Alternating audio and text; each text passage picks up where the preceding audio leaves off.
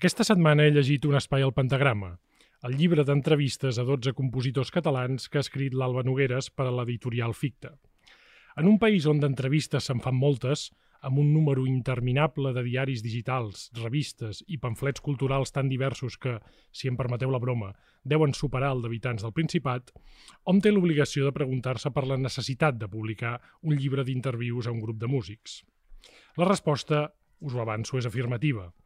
De la mateixa forma que les entrevistes televisives i escrites de Soler Serrano, Baltasar Porcel, Josep Maria Espinats i Montserrat Roig van ajudar i encara ens donen pistes per elaborar el cànon de la literatura catalana i, al seu torn, per aprofundir en la vida secreta de molts autors en la nostra llengua, el llibre de Noguera resulta oportú perquè congela una foto molt determinada d'una generació de compositors nascuts als anys 80 del segle passat amb una formació molt semblant, però amb resultats d'una gran divergència i riquesa creativa. A mesura que hi xerra, Noguera es troba un fil comú que travessa la vida d'aquests artistes, la multidisciplinarietat, o en tot cas la interdisciplinarietat amb què, d'una forma molt natural, els nostres creadors de sons treballen i trafiquen amb la literatura, les arts visuals i la ciència, entre d'altres àmbits. Hi ha més concomitàncies generacionals que, no percebudes, són igualment importants de recalcar. La primera, i prou esperançadora, és que els músics del nostre present són ben conscients d'ésser resultat de la tradició europea, però també de la música catalana. Són, de fet, un exemple de patrimoni present que, gràcies en part a llibres com aquests, seran patrimoni del futur. La segona, persistentment dolorosa, és que per treballar amb normalitat i tenir la nevera mig plena s'han vist obligats a cardar el camp del país. Cal recalcar aquesta constant terrible, no pas perquè estiguem en contra que la gent s'airegi i viatgi més enllà dels Pirineus, sinó perquè després de llegir el llibre de l'Alba no pots evitar d'emprenyar-te, no només pel fet de viure en un país amb un públic i unes institucions culturals absolutament ignorants de la creació contemporània musical que fan els nostres autors, això no és novetat, sinó pel fet resultant d'estar-nos perdent l'obra d'uns compositors que potser descobrirem d'aquí a molts anys, amb aquella plorera tan habitual de la tribu, i ens posarem les mans al cap per la quantitat de bona música que ens hem perdut en el moment en què es creava. En definitiva, sí i recontra sí. Aquest era un llibre necessari i ara hi ficarem el nas amb els meus corresponsals al món del so i també amb la seva autora. Aquesta setmana he llegit un espai al Pentagrama, de l'escriptora Alba Nogueres, però no ho he fet sol. Amb mi ho han fet el professor d'estètica Jaume Radigales i el musicòleg Oriol Pérez. Soc en Bernat de Déu i sou a l'Illa de Maians, el podcast Dona Llibres. This is my island in the sun Where my people have toiled since time begun I may sail on many a sea Her shores will always be home to me. Oh, island in the sun, built to me by my father's hand. All my days I will sing in praise of your forest waters, your shining sun.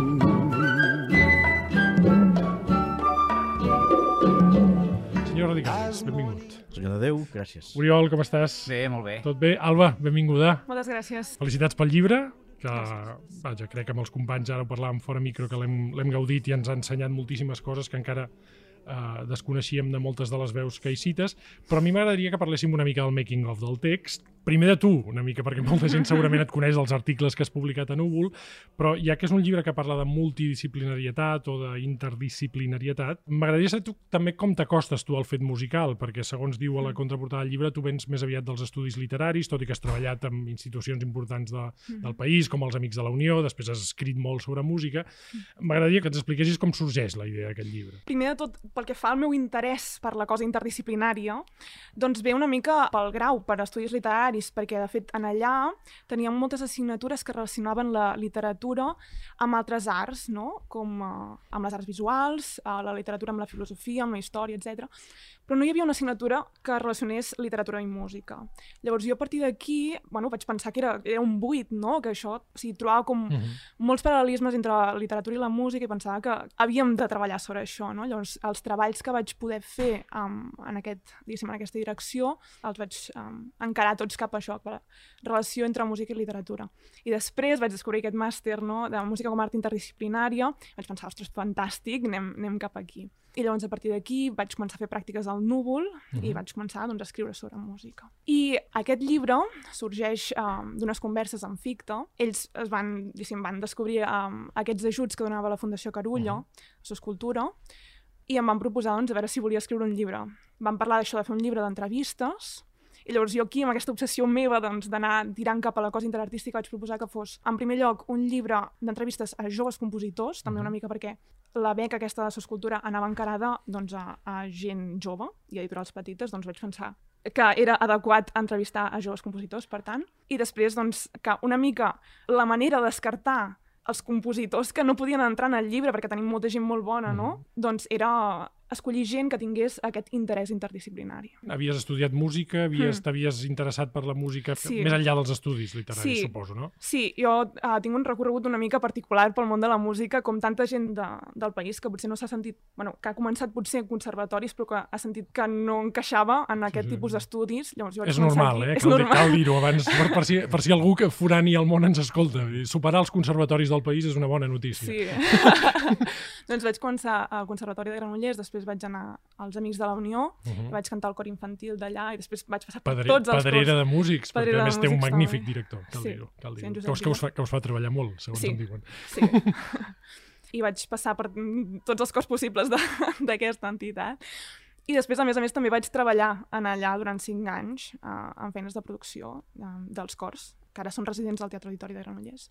Però sí, bueno, aquest és una mica el meu... Mm. Diguéssim, la cosa de fora dels estudis eh, que em relaciona amb la música. Estem parlant de compositors joves. I en aquest país l'adjectiu jove és molt fotut, sí, sí, sí. perquè encara s'aplica a persones de 30, 40 o fins i tot 50 anys. No? Com tries la data inicial? Per què aquesta generació? Mm. Perquè aquest és una mica també l'interès d'aquest sí. llibre, no? Aquesta llista no era una llista inicial tancada i tenia claríssim que havien de ser aquesta gent, sinó que es va coent, no? I també tenia com moltes ganes que hi hagués un, un fil narratiu que lligués a totes aquestes persones. Llavors, és això, jo vaig començar, vale, vull que sigui gent jove, però què entenem per jove, no? Llavors, perquè mm. aclareixo que estem, sobretot pels melòmens que ens escoltin i pels no tan melòmens, que són gent com el Joan Magraner, com la Raquel clar, García Tomàs, són gent que, que tenen una obra sí. ja consolidadíssima sí. a nivell internacional. Sí, eh? exacte. I llavors també vaig pensar que havien de ser gent que tingués també un discurs eh, i que pogués nodrir de, de contingut el llibre, no? Mm. Llavors, la data de, de 1980 no, és, no comença al principi, sinó que vaig investigant, vaig llegint a gent diversa i llavors arriba un punt que has de posar una barrera, no? I és això, el 1980 i el 1994, amb la Clàudia Baulies. I de fet aquí hi ha il·lustres precedents, perquè a casa nostra tenim uns quants compositors que, que diguem que pivoten entre diverses disciplines, començant pel mateix mestre Esquadreny, que el coneix molt bé, no? que ve del món de la química, que com a mm-hmm. compositor és autodidacta i que demostra al llarg de la seva obra aquesta plurimultidisciplinaritat, interdisciplinaritat. En això és curiós contrastar, per exemple, el Joan Magraner amb la Raquel García Tomàs, perquè mm-hmm. parlen de, en aquest mateix llibre de l'Alba, de, de dos d'aquestes dues maneres maneres d'enfocar-ho, és la dimensió culta que hauria de tenir el músic. I, i aprofito la vinentesa per dir que efectivament que l'Alba és una de les meves millors alumnes que he tingut al màster, hi ha alumnes que deixen petjada i una d'elles és, és l'Alba, entre altres raons perquè són estudiants dels que aprens eh, i això és una cosa que sempre s'agraeix i que donen a l'ofici en el cas de l'Alba, l'ofici de periodista, literatura, digue-li com vulguis, música, aquesta dimensió que jo, a mi m'agrada més dir-ne més de cultura global, de cultura, mm. diguem, que dialoga entre elles i que al mateix temps es dona precisament en els compositors i les compositores. Perquè dintre del món del, de la música, com sabem, doncs hi ha bé, els, els músics intèrprets i els músics creadors, creadors per mi sempre entre cometes, i, i és curiós constatar com la formació que tenen els músics, que no són compositors, és una formació molt parcial i una formació molt limitada al que és estrictament la tècnica. Quants pianistes toquen Chopin sense saber realment qui és Chopin i què hi ha al darrere de Chopin. I aquesta dimensió culta, per mi, la tenen els compositors. Per què? Perquè el compositor llegeix la realitat, interpreta la realitat i aleshores la recrea amb un llenguatge propi. I que, efectivament, veu de les fonts de la literatura, de la ciència, i en aquest sentit el llibre de l'Alba em sembla molt suggerent per aquest diàleg que hi ha entre... Potser el món de les lletres és més evident, però, per exemple, el món de la ciència, no? que a mi, particularment, sent un llec completament en el món de la ciència, em refereixo a les ciències dures, perquè també caldria distingir què és ciència, què no ho és, però que em fascina, és a dir, a mi m'agrada de tant en tant llegir algun llibre de física, he de dir que a la primera equació ho he de deixar córrer, però em fascina el llenguatge de la física, com em fascina, per exemple, Oriol, el llenguatge taurí, per exemple, sense que m'agradin els toros, però el llenguatge taurí sí, i el, els quatre diàlegs que hi ha amb, amb l'Ariadna Alzina Tarrés, amb la Núria Jiménez, amb el Fabià Sankorski i amb el Pol Requesens, eh, doncs mm, surten precisament -huh. d'aquest diàleg amb la ciència, que repeteixo, no és tan, tan evident. No? Per tant, sí, responent a la teva pregunta, i disculpeu que m'hagi allargat tant, crec que aquesta dimensió és per mi, de natural dels compositors. I els compositors haurien de sortir dels conservatoris i escoles de música amb aquesta formació global. I tant de bo als conservatoris i escoles de música hi haguessin, per exemple, assignatures de música i que dialogui sí, sí. amb, o, per exemple, també amb el món audiovisual, que a més a més és tan essencial per entendre el, el suport o la dialèctica que es pot establir entre una música i unes imatges. L'altre dia, analitzant amb uns alumnes de la Universitat de, de Grau una seqüència de, de Vértigo, els feia adonar que la música que escriu Herman en un dels moments climàtics més potents de la pel·lícula de Hitchcock, quan la Judy es converteix en Madeleine, la música de Herman és una música que evidencia que ens està citant, que no plagiant, Tristan i Isolde, i ens està picant l'ullet alerta. És una història en què amor i mort es donen la mà, no? Doncs aquesta dialèctica és el que penso que s'ha d'establir per crear, doncs això, no una dimensió culta de la creació musical. Sí, és un llibre esperançador en aquest sentit, Oriol, perquè no ho és tant en el sentit de que veus que molts compositors han hagut de fer la feina d'esdevenir humanistes, però sí que jo diria que és esperançador perquè aquesta condició que ara deia en Jaume d'artistes globals la tenen molt apresa. Crec que som formen part d'una nova generació i clar, hi feia abans l'al·lusió. He pensat moltes vegades llegint això, què diria el mestre Esquadreny? El mestre Esquadreny estava absolutament convençut sempre que aquesta interrelació que ell va ser pioner seria una cosa absolutament normalitzada. I clar, no és normalitzada amb un autor, sinó que és una cosa normalitzada amb tota una generació. Un siguin per les ciències, l'altre per les arts, l'altre siguin pel suport audiovisual. Tanmateix, però, jo penso que hi ha un perill, que és de que oblidem un fet de que és veritablement lo important, que és la seva obra. Mm -hmm. Si jo crec que això ha de ser una crossa que ens ajudi nosaltres per acostar-nos, però que no ens quedem únicament amb el discurs teòric d'unes respostes que n'hi han absolutament de magistrals i altres que em deixen més aviat perplexa, que m'imagino, jo pensava, quina cara deu fer l'Alba després d'aquesta resposta de dir que, vaja, t'ha bandejat, és a dir, gairebé el que ha fet ha sigut marejar-te, no? I després doncs, jo penso doncs, que és això, un llibre per ajudar a comprendre precisament un panorama, un escenari que moltes vegades jo crec, i això és una cosa doncs, potser subjectiva, que a diferències d'altres manifestacions humanístiques, estic pensant, doncs, jo què sé, amb el cinema, la literatura, no és tan evident quin és el nostre panorama de compositors contemporanis. Mm.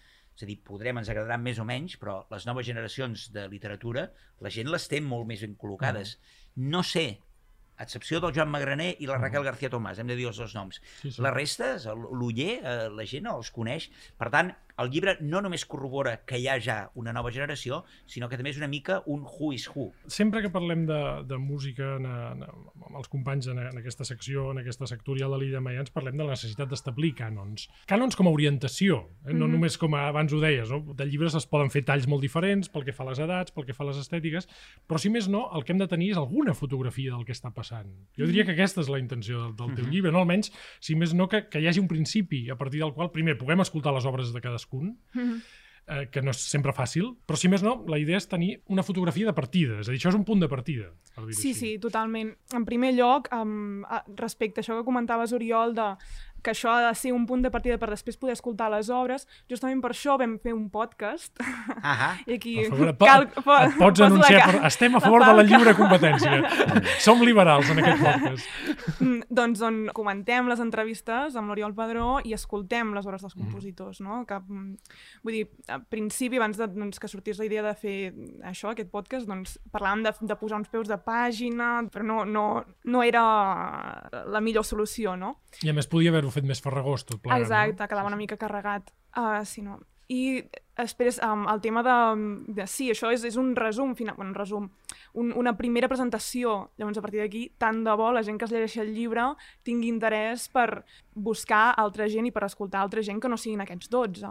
Una cosa que també se m'acudia, eh, ara aquí ho deixo, eh, és que Ficta, que per cert aplaudim aquesta tasca que fa de, de fer no només edició de partitura, sinó també edició de literatura o sobre literatura musical, que eh, us plantegéssiu estic parlant amb llarg plaç, evidentment, d'aquí a 15-20 anys, tornar a fer el llibre amb els mateixos compositors perquè és evident que l'evolució o la transformació de criteris, d'idees, d'obres eh, haurà canviat, no? I aleshores establir aquest, aquest contrast seria també molt interessant perquè una de les coses que té la música és un art viu, molt viu, evidentment un pintor també evoluciona, no no m'agrada el terme evolució, es transforma, no?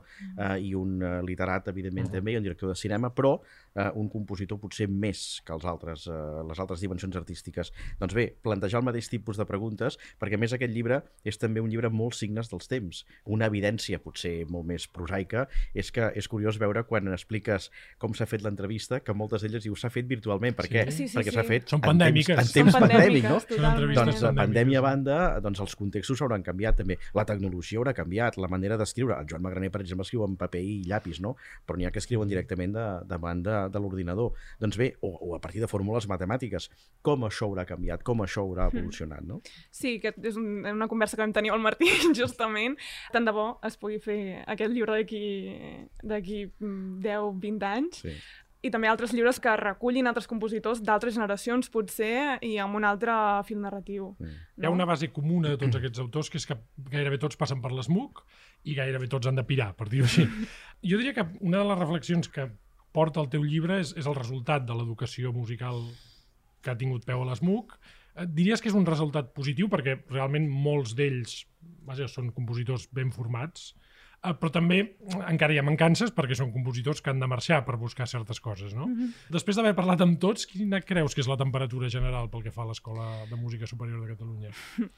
Jo crec que finalment no només a l'ESMUC, sinó a totes les carreres, a tot arreu, el que fas durant 4 anys o 5 anys que, que estudies aquest grau o un any o dos anys després que estudies el màster, tota aquesta formació són eines i, i, i ja està. O sigui, no, no és que et donguin una fórmula màgica a partir de la qual tu puguis doncs, ser un, un bon professional, sinó que allò és una base i a partir d'allà eh, tu t'has de formar més o has de tenir altres tipus d'interès um, per arribar um, a crear la teva obra.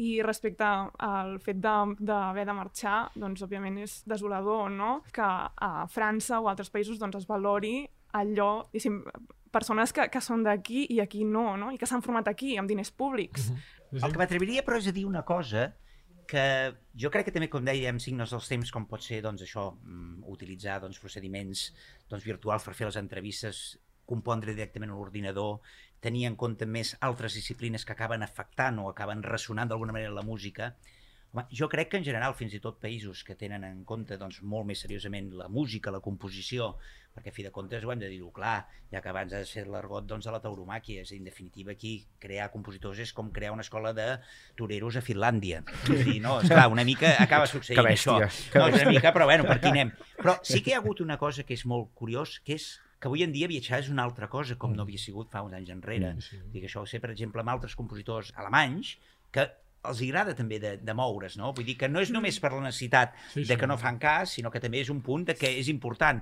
Fins i tot és més, amb l'SMUC, amb molts professors, el que fan és diuen marxa, és a dir, obre, Mm, entén, sí, sí. busca altres realitats. Evi- Evidentment, Sí, sí, sí. sí. és positiu marxar i formar-te i veure altres estètiques Sí. i, i, altres maneres de- d'entendre la música, però clar, després torna. No, no, després No, no, passa així. i l'altra qüestió és, nosaltres, nosaltres marxem, però ells venen? Un francès, un, un finlandès, vindran a Catalunya formar-se com a compositors, com a intèrprets? És a dir, el procés aquest a l'inversa existeix? Aquest, aquest intercanvi existeix? Jo ho Bueno, dubto, ha, ha eh? existit, en algun cas, per exemple, doncs, en els primers anys del Departament de Música Antiga de l'ESMUC, això ho va ser.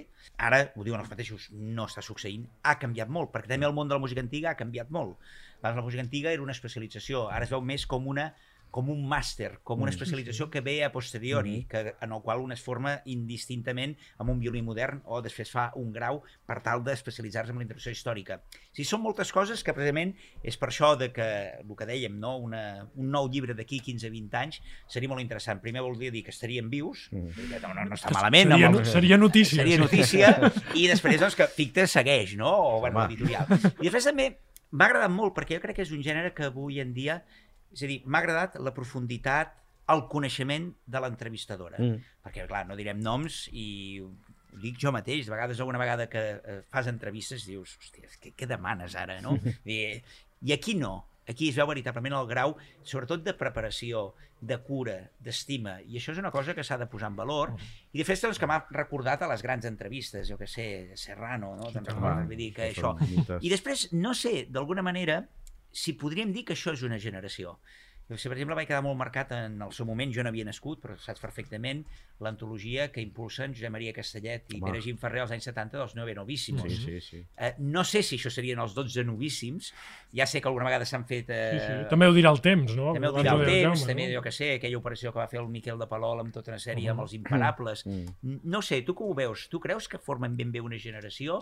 O so cadascú té aquest punt una mica d'anarquia individual que cadascú va a la seva? Com s'interrelaciona?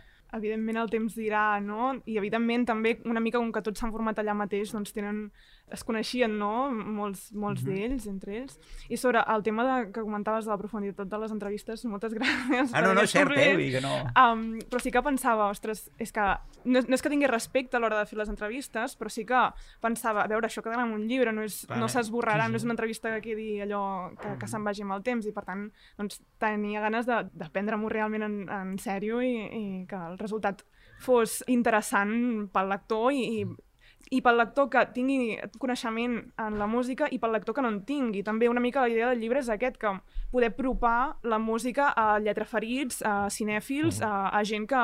Bueno, i, I també per això doncs, eh, parla de la relació entre les arts, no? I hi ha, en els pròlegs de les entrevistes, etc doncs hi ha pinzellades de, De discurs teories teòric, ho pots dir, sí, sí. Sí, sí. A, més, a més, molt ben escrit. Sí, sí. doncs que mm, poden apel·lar a gent que sigui uh, que, que s'hagi interessat, diguéssim, per altres mons artistes. Clar, jo, jo diria que hi ha, hi ha un risc en el llibre. Clar, fer aquest mateix llibre amb autors ja consagrats hagués estat potser bibliogràficament més complexa perquè tenen més obra i hi ha més coses escrites sobre ells. Fer un llibre com el, aquest amb Casablanques, amb Homets, etc etc. Ja sabem que hi ha una obra molt ben consolidada, és a dir, que hi haurà un autor sí o sí. Però clar, això té més risc en el sentit de, que dèiem, no? de, de, el cànon és una mica el cànon del futur. El cànon del passat ja ens el sabem. Tot i que sigui molt difícil, i això sí que em volia parlar, uh, Oriol i Jaume, d'establir un cànon musical. A nosaltres això de les continuïtats generacionals, amb literatura ens ha costat molt, perquè sempre parlem de grans trencaments, noucentisme, modernisme, etc etc. Clar, si ens ha costat amb literatura, on hi ha una gran bibliografia, potser no tan gran com la d'altres literatures, però n'hi ha.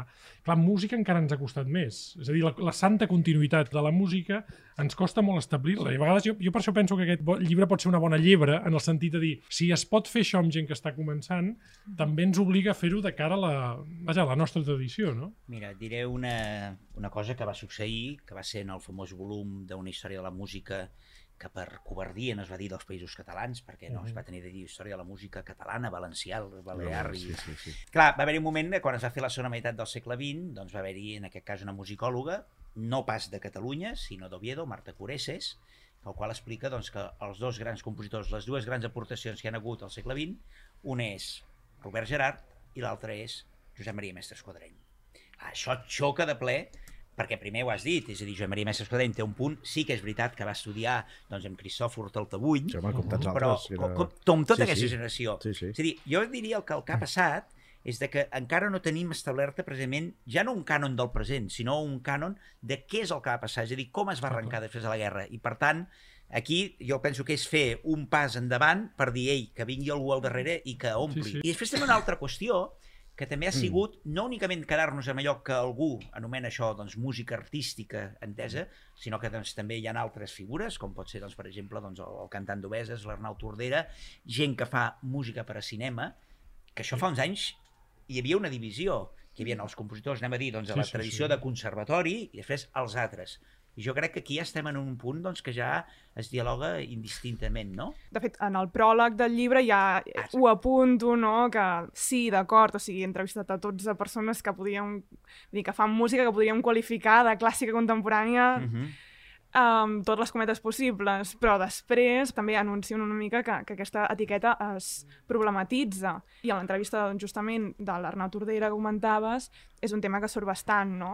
Però amb, i amb d'altres autors també. Que és també, perdona, naturalitzar un gran debat, és a dir, els anglesos parlen amb una gran naturalitat de la influència que hi ha a l'òpera en grups com Queen, o de la música barroca en grups com els Beatles, i no passa res, i aquí quan parlem de l'òpera, en l'influència de músics com Arnau Tordera, que a més a més està escrivint una òpera, Clar, clar. pensem que estem parlant de ciència-ficció. Això també indica una mica el nostre provincianisme, no? Sí, finalment jo crec que es tracta d'entendre que la realitat és molt plural i, i, i que es barreja, no? I, i sí, d'acord, necessitem uns calaixets per poder tenir prejudicis, per llavors fer judicis, no?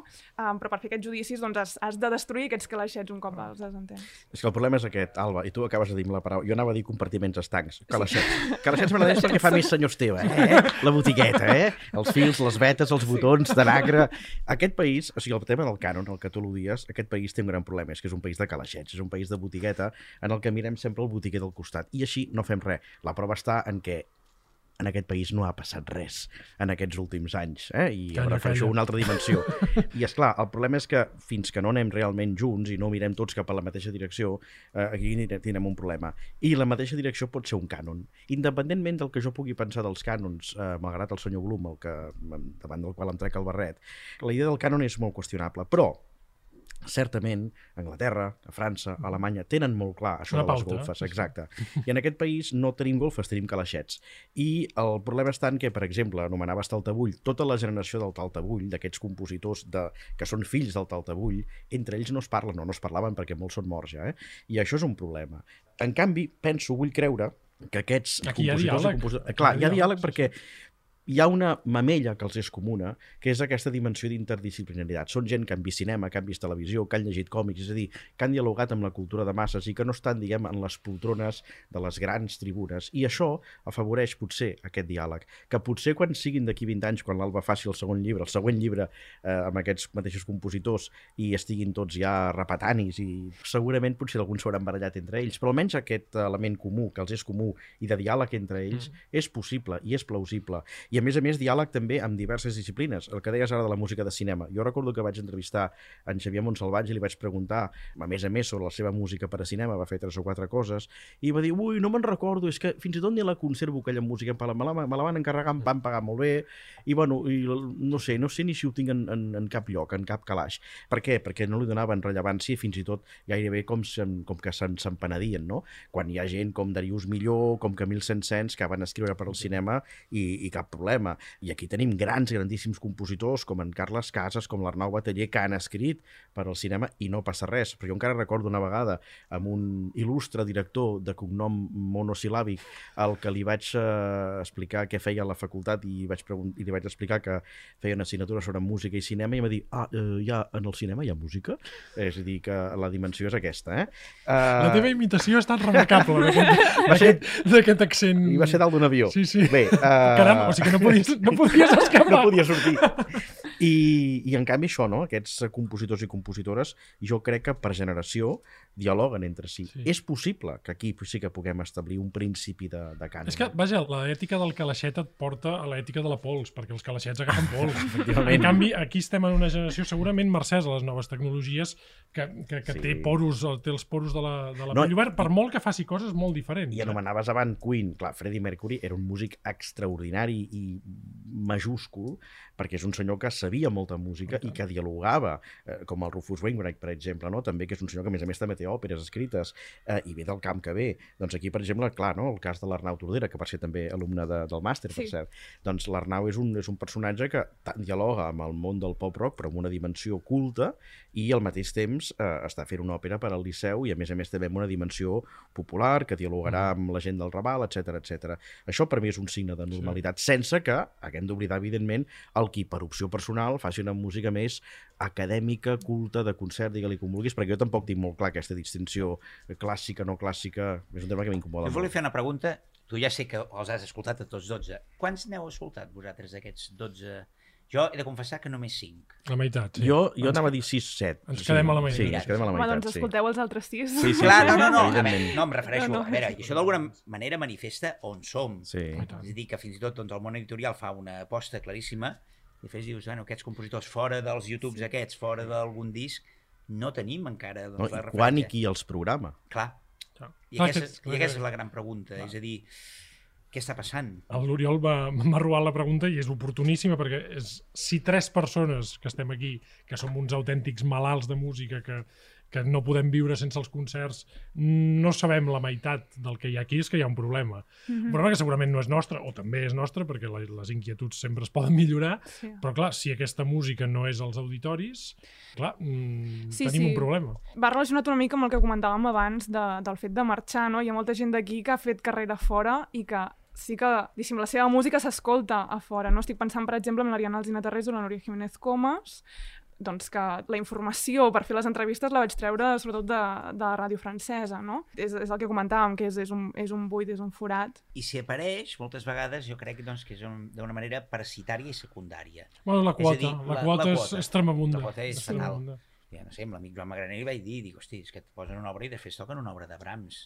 És que aquí també després ho posem d'alguna manera, no? Vull dir, és que tot I a, plegat... I a més a més això, Oriol, té una derivada, a part de que realment posar un gegant consolidat al costat d'una persona que comença és fer-li una putada a la persona que comença, Clar. hi ha una cosa més eh, profunda que jo la dec i la repeteixo sempre que parlem de música, el Xavier Albertí. El Xavier Albertí sempre ha dit una cosa molt interessant. Diu, quan tu programes una sinfonia de Brahms, el públic té una història de recepció de la sinfonia de Brahms. De la mateixa manera que quan tu programes un Hamlet, la gent ja el té, ja ha vist les pel·lícules, ja n'ha vist algun, sap, encara que sigui una frase del Hamlet. Que és el Sap seu, com no sé, s'acaba. sap com s'acaba. Però clar, quan tu presentes una obra de teatre de Pous i Pagès, fins i tot de Josep Maria de Sagarra, clar, és que la gent no sap el que, Mm. el que està veient. Llavors el, el Xavier sempre ho diu, diu, necessitem una, urgentment un, un cànon o unes pautes de, també de la recepció de les nostres músiques i sobretot del patrimoni a partir del qual molts d'aquests autors comencen a escriure, perquè una de les bones notícies que crec que té aquest llibre és que, en general, els autors se saben fills d'un patrimoni català, malgrat tenir un coneixement global que els emparenta, abans ho deia el Jaume, no? la cultura audiovisual, en en menor o major mesura, se saben fills d'un nucli cultural que és el seu i que és el seu cromosoma i que és, eh, com el que deia abans l'Oriol, no es poden fer escoles de toros a Finlàndia o és molt més difícil. És a dir, hi ha escoles de flamenc al Japó, però ha costat més que fer-les a Andalusia, diguéssim. No? També és un interessant fer veure que si no fem una reflexió general del cànon, de la progressió que hi ha fins a arribar a aquests autors, per molt que els programem també, encara que superem la Clar. quota, si no veiem la línia total que porta això, serà molt difícil que el públic pugui entendre saps, Sí. a, a on estem arribant. Sí, No? mm, i per això és tan important la feina de divulgació, no? de divulgació musical. I abans parlaves de Hamlet, per exemple. Bé, en la literatura hi ha un text i la gent pot entendre aquell text i per tant pot seguir una mica aquesta història. Sí, sí. Però en el cas de la música, doncs, evidentment és abstracte i per tant això fa que sigui un grau més difícil Uh, doncs, per fer, de, de fer-la arribar a la gent, no? I, I això és una cosa bueno, que comentàvem també a les entrevistes, a totes va sortir una mica um, sobre la necessitat d'informar-se o no per anar a escoltar uh, música contemporània o qualsevol altre tipus de música, no? I en tots, en tots els casos uh, va sortir aquesta idea de que, evidentment, anar informat a un concert uh, i l'espectador sap quina hora va escoltar i sap una mica doncs, el rerefons o el perquè d'aquella música, eh, doncs això dona un, un, un grau més d'entesa de la música i de, de profunditat. Hi ha un fragment de l'entrevista de la Raquel que m'agrada especialment quan diu interdisciplinarietat no és treballar en diverses disciplines, sinó que la teva Mm. Composició s'adapti al seu modus operandi. Sí. Crec que ho, ho explica d'una manera molt bella. No? Sí, Eh, jo diria que aquesta és la clau una mica també d'aquesta nova generació. És a dir, al final, molts compositors havien ajuntat eh, escenògrafs quan feien una òpera, químics, físics, es- artistes de la llum, etc etc per fer una espècie de collage. Mm. Jo diria que el canvi aquí és que el, el que afecta la composició és el propi mètode de la composició. I en l'obra, per exemple, la Raquel es veu perfectament, no? com la visualitat afecta com compon, Mm. i aquesta és una mica la clau de volta, o sigui, buscant trets d'aquesta generació. No? Sí, a veure, jo crec que realment cada entrevistat i entrevistada doncs, entén el diàleg entre les arts d'una manera molt diferent. Mm, Abans el Jaume comentava o mm, comparava uh, la Raquel amb, amb el Joan Maraner. Um, però també, vull dir, el Gerard Valverde uh, entén la, el diàleg entre disciplines d'una manera molt més barrejada i com molt més anàrquica, no? O la Irina Preto, vull dir, o els, els que fan música per cinema és un altre tipus de relació. Però en tots els casos jo crec que la cosa clau és la d'entendre um, que les fronteres de la música doncs, són elàstiques i que, i que es poden nodrir de les altres arts. I per això mateix també penso que, a vegades quan parlàveu això del Magraner Brahms, eh, clar, jo recordo l'Oriol Martorell que en les seves classes sempre deia que ell estava en contra dels guetos, per exemple, de Festival de Música Contemporània, que l'establiment de diàlegs entre compositors d'avui i compositors d'ahir o d'abans d'ahir també és interessant. I el tema de la recepció, crec que aquí també hem d'educar molt els, els propis eh, abonats o assidus a auditoris, teatres, perquè no hi ha cosa per mi més covarda que fan els molts programadors que és primera part, eh, obertura de Les noces de Figaro, després una obra estrena de Josep Maria Guix i després l'Heroica de Beethoven, no? El plat fort és l'Heroica. Sí, sí. I entremig, com un sàndwich, posem eh, el, El pobre el, el, Guix, pobre sí. Guix, el l'Agustí Charles, Sí. no? Per, bueno, per si cola, cola. I clar, el posen el, el següent, la següent obra,